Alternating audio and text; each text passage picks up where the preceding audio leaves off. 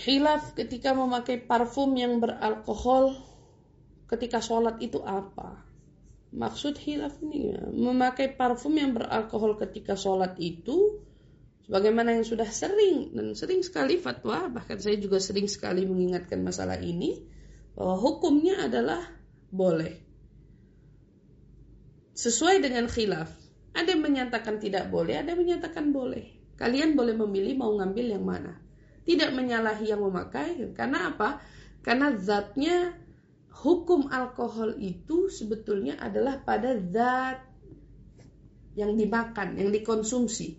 Ada hukum najisnya, eh, alkohol yang dipakai untuk minyak wangi dengan alkohol yang dipakai untuk seperti contohnya eh, dokter obat-obatan untuk mengoperasi untuk apa dan lain sebagainya itu adalah jenis alkohol yang bukan dari zat e, najisnya. Hukum najisnya berbeda. Adapun dikonsumsinya, ya jenis alkohol apa pun hukumnya haram. Seperti juga di sini ada pertanyaan hukum bagaimana mengkonsumsi obat yang di situ tertera halal, tapi ternyata di situ mengandung alkohol. Maka ini masuk kategori yang dilarang.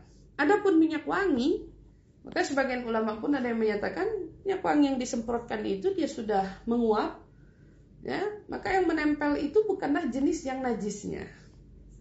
Tapi adapun dikonsumsinya ya jelas dia ha, dia haram.